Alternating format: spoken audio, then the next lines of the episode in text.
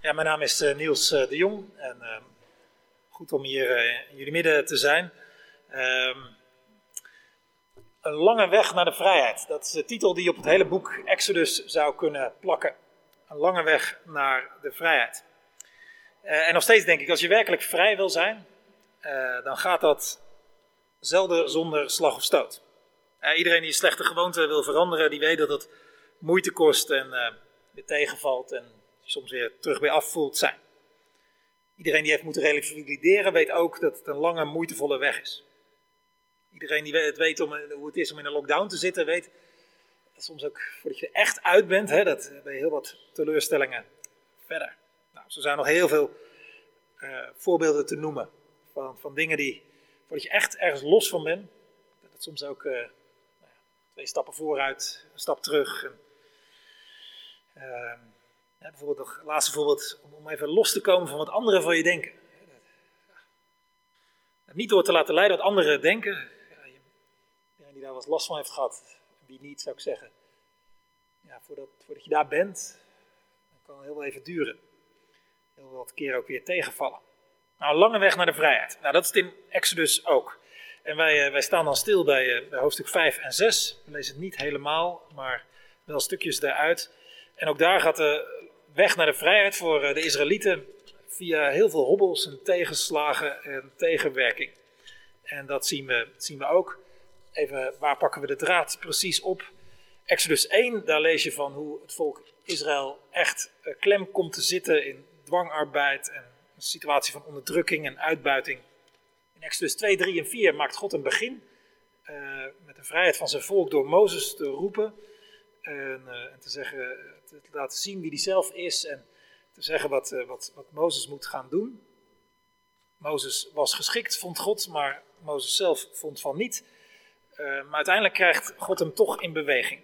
En dan gaat in hoofdstuk 5 gaat Mozes met zijn broer Aaron die gaat naar de farao. farao. En dan lezen we het volgende. Hierna gingen Mozes en Aaron naar de farao. En ze zeiden tegen hem: Dit zegt de Heer, de God van Israël. Laat mijn volk gaan. Om in de woestijn ter ere van mij een feest te vieren. En wie is de Heer dat ik hem zou gehoorzamen? vroeg de farao. Waarom zou ik de Israëlieten laten gaan? Ik ken de Heer niet en de Israëlieten laat ik niet gaan. Ze zeiden: De God van Hebreeën is naar ons toegekomen. Sta ons toe drie dagreizen verder woestijn in te trekken. Om de Heer onze God daar offers te brengen. Anders treft hij ons met de pest of het zwaard. Maar de koning van Egypte zei: Mozes en Aaron, hoe durft u het volk van zijn werk te houden? Af te houden. Vooruit, aan het werk. En hij voegde eraan toe, dat volk is nu al veel te talrijk. En dan wilt u ook nog dat ze ophouden met werken.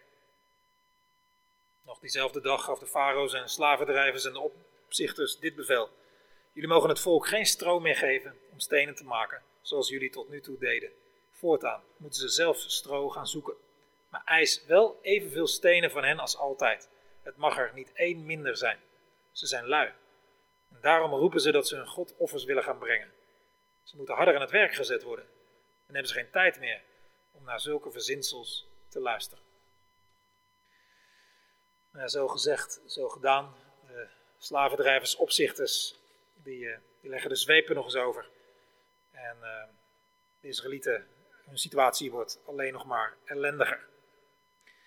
Uh, de Israëlitische opzichters worden boos op Mozes.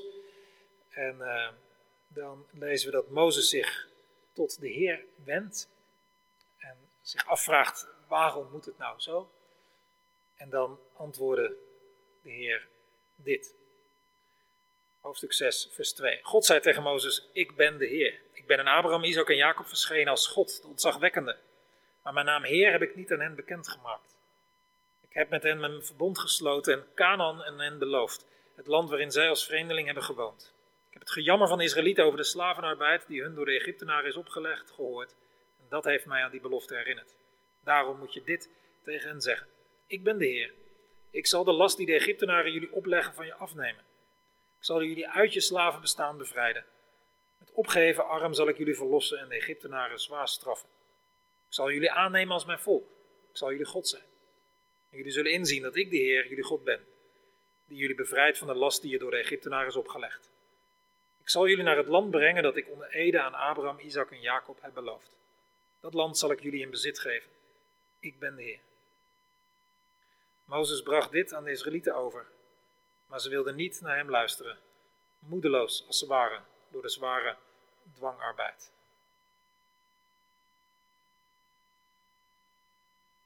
Ja, klopt. Toen zei de Heer tegen Mozes: Ga naar de farao, de koning van Egypte, en zeg hem dat hij de Israëlieten uit zijn land moet laten vertrekken. Mozes antwoordde: Als de Israëlieten al niet naar me luisteren, zal dan de farao dat wel doen? Ik kom immers moeilijk uit mijn woorden.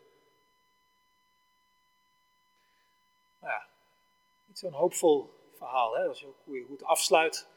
Mozes die ziet er eigenlijk ook geen heil meer in. En het volk ook niet. Dat is ergens wel te begrijpen. Hè? Dat was natuurlijk ook een gigantische deceptie. Hè? Ze, die, die Israëlieten hadden eindelijk moed gekregen toen Mozes aan hen was komen te vertellen. De God van, van Abraham, Isaac en Jacob aan mij verschenen.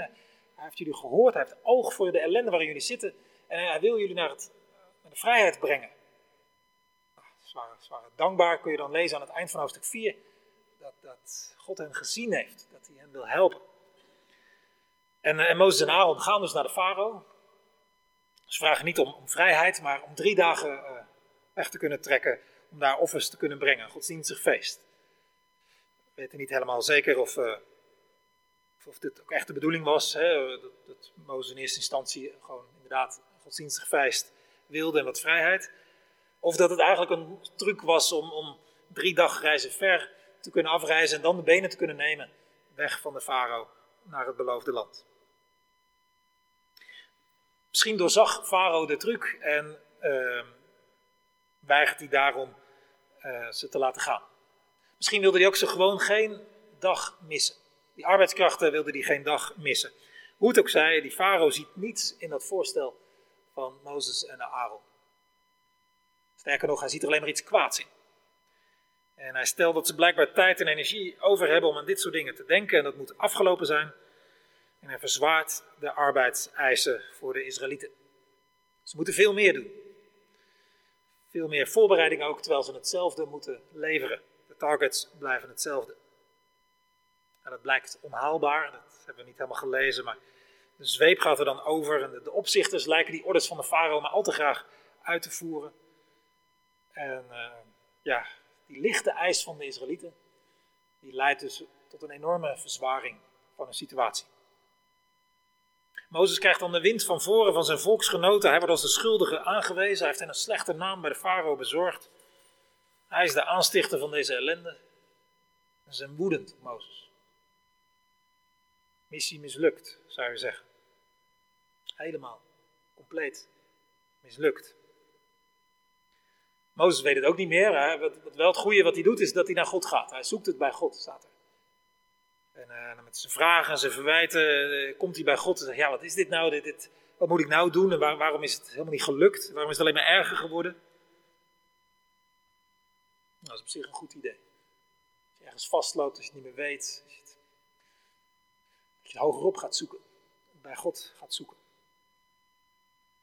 Het, het, kan namelijk ook zijn dat je, dat je hè, tegen een muur oploopt en dat de bedoeling, dat, dat helemaal niet de bedoeling is dat je die kant op loopt. Hè, of dat je de, verkeerde strijd bent aangegaan en dat je, dat je die, die moet staken, dat kan. Hè, dat, dat, zou kunnen. Dat je ergens anders voor gemaakt en het, het, het ja, zo een andere boeg moet gooien, dat kan. Dus als je het hoger opzoekt, misschien krijg je duidelijkheid dat je het zelf verkeerd hebt aangepakt of, met iets, bezig bent wat helemaal niet voor jou is of zo, dat kan. Bij Mozes blijkt dat niet het geval. Hij, hij, hij, moet juist doorzetten. Dit was nog maar het begin. God had ook al gezegd, ja, die farao die zal niet gaan meewerken. Daar, kun je tegenstand van verwachten. En God maakt alleen maar duidelijk, nee, nee, Mozes, je moet gaan. Ik, ik, ik ga jullie echt vrijmaken. Ik heb jullie aangenomen tot mijn volk. Ik ben de Heer. Ik zal die last die je opgelegd is van je afnemen. En eh, God zegt allemaal nog een keer en nog uitgebreider en nog beter. Dat dit echt de bedoeling is. Dat er nog weerstand zal komen, maar dat ze in dat beloofde land zullen komen. Ik denk dat hier in dit verhaal drie lessen zitten voor ons uh, vandaag de dag. Uh, zeker als de weg naar de vrijheid lang is. Weet hoe je dat precies kunt toepassen op jezelf. Ik vermoed dat we vroeg of laat allemaal in situaties terechtkomen waar, je afvraagt of, het wel, je niet moet stoppen, of je niet moet opgeven. Dat je afvraagt waar, waar, waarom, waarom het nu allemaal zo moet gaan, zo moeilijk moet gaan. Uh, vroeg of laat komen we er allemaal in, in, denk ik. En dan is denk ik deze drie dingen is goed om te, om te beseffen. Allereerst, een antwoord van boven kan zeker helpen, maar helpt niet alles. Dus een antwoord van God, van boven, dat kan helpen, maar zeker niet doorslaggevend. En Mozes ging het bij God zoeken. Stelt zijn vragen, krijgt antwoord. En je kunt denken, nou, dat is eh, fantastisch dat je, dat het zo duidelijk krijgt. Hoe, hoe, duidelijk wil je het hebben? Mozes krijgt op een briefje een stem van boven. Hij weet helemaal wat hij moet doen. Dat, dat maakt toch gelijk een eind aan alle twijfel, zou je zeggen. Maar dat blijkt niet. Na dit overduidelijke antwoord begint Mozes weer. Ik ben toch geen goede spreker, ik kan het toch helemaal niet. En het heeft niet geholpen, lijkt het. Zelfs een stem uit de hemel is geen garantie dat je het daarna genoeg durft. Zie zie je vaker in Exodus. En dat, dat boek, de grootste wonderen, de bijzonderste dingen. Ik denk nergens een, boek in de, in, de, Bijbel waarin in zo'n korte periode God zoveel laat zien, eh, zoveel van zich laat horen en, en tekenen, voedsel. Uh, ene nog bijzonderder dan de andere. Maar is het volk Israël in die fase nou het gelovigste volk wat we door de Bijbel heen zien. De gelovigste mensen, de mensen die het meest vertrouwen of het beste gehoorzamen. Tegendeel bijna.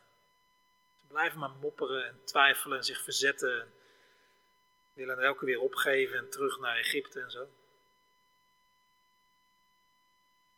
zit wel iets in, denk ik. Tuurlijk is het goed om het hoger op te zoeken, bij God te zoeken, moet je zeker doen.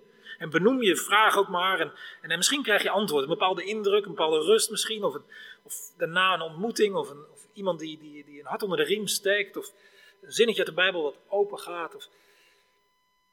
Mooi is dat gebeurt. En zo werkt God. God wil vaak bemoedigen en beloftes geven. En of het komt of niet, of het direct of komt of niet van God, is geen garantie dat je er dan bent. Mozes, die, die, het lijkt erop dat hij zich toch meer laat leiden door zijn, stemmen van binnen, dat, dat hij niet geschikt is. Of die stemmen misschien van de, van de Israëlieten, dat het toch niet gaat werken. Er lijkt hij meer gewicht, waarde aan toe te kennen dan die stem van boven.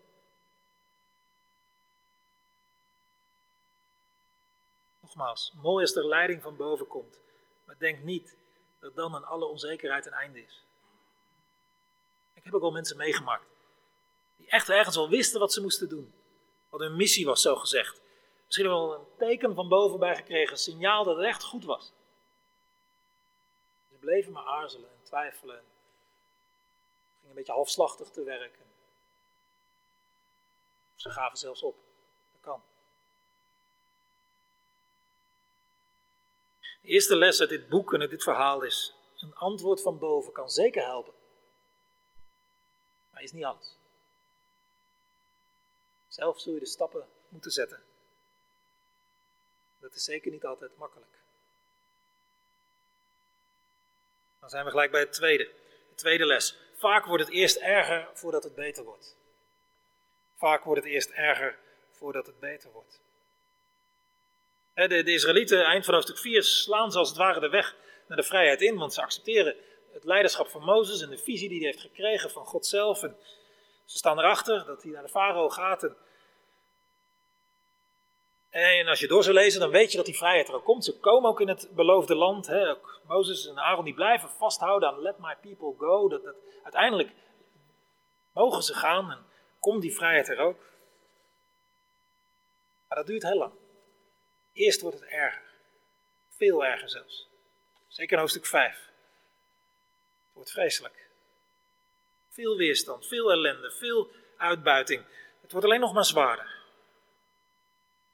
Had God al gezegd dat, dat, dat de farao helemaal niet zou meewerken, maar als je het leest, dan. Ja, alle begrip dat het enorm zwaar valt. Als wij de weg inslaan naar de vrijheid, naar het goede, naar een eind aan onrecht of, of wat dan ook, worden de dingen vaak eerst erger. Een paar voorbeelden. Als je, als je vastzit in de verwachtingen van je, van je ouders bepaalde verwachtingspatronen. En je bent er ook altijd maar een beetje in meegegaan. Je Je wilde ze graag pleasen. En als je dan op een gegeven moment een andere weg inslaat waarvan je denkt, ja, dit is goed, dit, dit, hoort, dit past bij mij. ik denk dat het die kans dat God me op wil en zo. Is, kan het wel eens zijn dat de relatie met je, met je, met, God, met je ouders bijvoorbeeld, in dit geval, of met je omgeving, eerst slechter wordt. Mensen hebben daar lang niet altijd gelijk begrip voor, en ook je ouders niet. Dan wordt de verhouding eerst een stuk moeizamer. Want mensen of je ouders geven waarschijnlijk niet gelijk hun verwachtingspatronen op. Ander voorbeeld. Als je hulp zoekt omdat je er niet uitkomt, je voelt dat je steeds vermoeider raakt of steeds minder aan kan of al te vaak al te somber bent. Of al te bang en je gaat hulp zoeken. Je gaat waarschijnlijk iemand graven in waar die dingen vandaan komen. Vaak gaat het dan eerst slechter, voordat het beter wordt. Derde, laatste voorbeeld. Stel je voor dat je dingen aan de orde stelt in de organisatie waar je werkt. Er gaan dingen mis, scheef, verkeerd, gewoon niet goed. Worden mensen geen recht gedaan bijvoorbeeld, of, of wat het ook is. En als je dan naar je leidinggevende stapt, je stelt het aan de orde. Best kans dat het daarna nog even moeilijk wordt. Voor jou misschien wel. Best kans dat het helemaal niet gelijk wordt opgelost. Maar in tegendeel, dat het, dat het voor jou moeilijker wordt. Of dat je alleen voelt staan. Of dat je, dat, je, dat je echt even een rechte rug moet houden. Omdat je veel over je heen krijgt. Dat kan zomaar. Dat het eerst slechter wordt. Voordat de dingen beter worden. Als je weet wat de juiste weg is. Ga die weg dan. Maar bedenk dat het vaak eerst slechter zal gaan. Moeilijker zal worden. Het gebeurt voortdurend in de Bijbel. Denk maar aan iemand als Jozef. Hè? In de put is al niet best. Wordt hij verkocht, gaat naar Egypte, slaaf, is al niet best. Ik denk, nou, dan heb je alles wel gehad wat je kan hebben. Nee, belandt hij nog in de gevangenis daar ook. Helemaal uitzichtloos. En dan gaat het pas omhoog. Of David, dat is best wel wat succes. Maar dan jaren van vluchten, moeilijkheden, voordat het weer omhoog ging.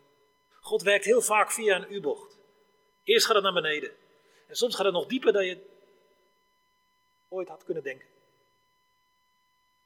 Wordt nog erger dan je dacht. Uiteindelijk God je er weer uit. Gaat het omhoog. Wordt de situatie beter. Zo werkt God vaak. Eigen tijd verhaal, nou ja, niet helemaal van deze tijd, maar ietsje recenter. Abraham Lincoln, ik weet niet zijn verhaal kent, wordt nu beschouwd als een van de grootste presidenten van de Verenigde Staten die ze ooit hebben gehad. Voordat hij president werd, moest hij veel verduren. Hij werd geboren in armoede, moest zichzelf leren lezen en schrijven, kreeg nauwelijks onderwijs. En voordat hij de verkiezingen tot president won, verloor hij acht verkiezingen. Hij ging failliet, verloor twee kinderen, lag nog eens ergens een half jaar op bed vanwege een zenuwinzinking. En in aanloop naar die winnende verkiezingen kreeg hij bakken kritiek over zich heen. Hoe kon hij nou, de VS leiden? Ze hadden enorme problemen. Had amper een jaar fatsoenlijk onderwijs gehad. Hoe kon deze man nou president worden? Hij gaf niet op. Liet zich niet leiden door de kritiek. Liet zich niet ontmoedigen. En hij werd president. Hield de Verenigde Staten bij elkaar. Beëindigde de burgeroorlog. En wist de slavernij afgeschaft te krijgen. De geschiedenis had anders gelopen als hij ergens onderweg bij bepaalde weerstand had opgegeven.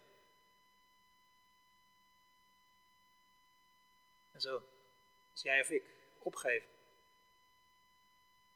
gaan de dingen anders. Minder. Het wordt vaak eerst moeilijker voordat het beter wordt. Als derde, les, boodschap uit dit verhaal. En ergens ook uit het hele boek, zou je kunnen zeggen. God geeft zijn missie niet op. De mensen wel. De, de mensen geven het op. En moedeloos. Ja, dat is dus nog wat, wat erger als teleur. Ze zijn alleen teleurgesteld. Dat, nou, moedeloos. Als mensen moedeloos zijn, dat, dat, dat is moeilijk. Om ze in beweging te krijgen, toch? Als je, geen moed, moedeloos, geen moed meer hebt. Zo, zo zaten die Israëlieten erbij. Ze, hadden even gedacht dat ze wel weer vrij konden worden, maar nee, nee, nu niet meer. Nu niet meer. Zijn boze Mozes dat hij het nog erger heeft gemaakt. Ze denken, nou nu een beetje hoofd laag houden en, en hopen dat het niet al, nog erger wordt. Dat, dat, zo zit ze er een beetje bij. God geeft niet op. Mozes, Mozes wil ook opgeven, die wil ook, ik niet, ik ben niet geschikt, ik kan niet praten. En, God geeft ook niet op met Mozes. En niet met zijn plan. En hij haalt, hè, in hoofdstuk 6 haalt God ook weer alles uit de kast om zijn mensen weer in beweging te krijgen. Maar misschien herken je die Israëlieten wel in dit verhaal. Voel je ook wel eens mislukt. En misschien wel die baan die je zo mooi vond, maar te zwaar was. Voel je mislukt. In de opvoeding van je kinderen denk je, ja, dat heb je heel goed gedaan, dat, dat, dat, doe ik helemaal, dat pak ik helemaal niet goed aan. Misschien denk je, ja, ik, ik, ik, weet dat ik toen de andere kant op moet gaan, maar ik zat veel te vast aan mijn salaris, aan mijn comfortzone en ik heb het niet gedaan. En nu zit ik hier nog steeds een beetje laf mijn salaris op te strijken. Misschien heb je een keer je nek uitgestoken voor je, voor je familie of ergens in je omgeving of in je vriendengroep, omdat je echt dacht, hier gaat het scheef. Ik moet er iets van zeggen. En je zei er iets van, er een beetje om gelachen. Er gebeurde, er veranderde niks.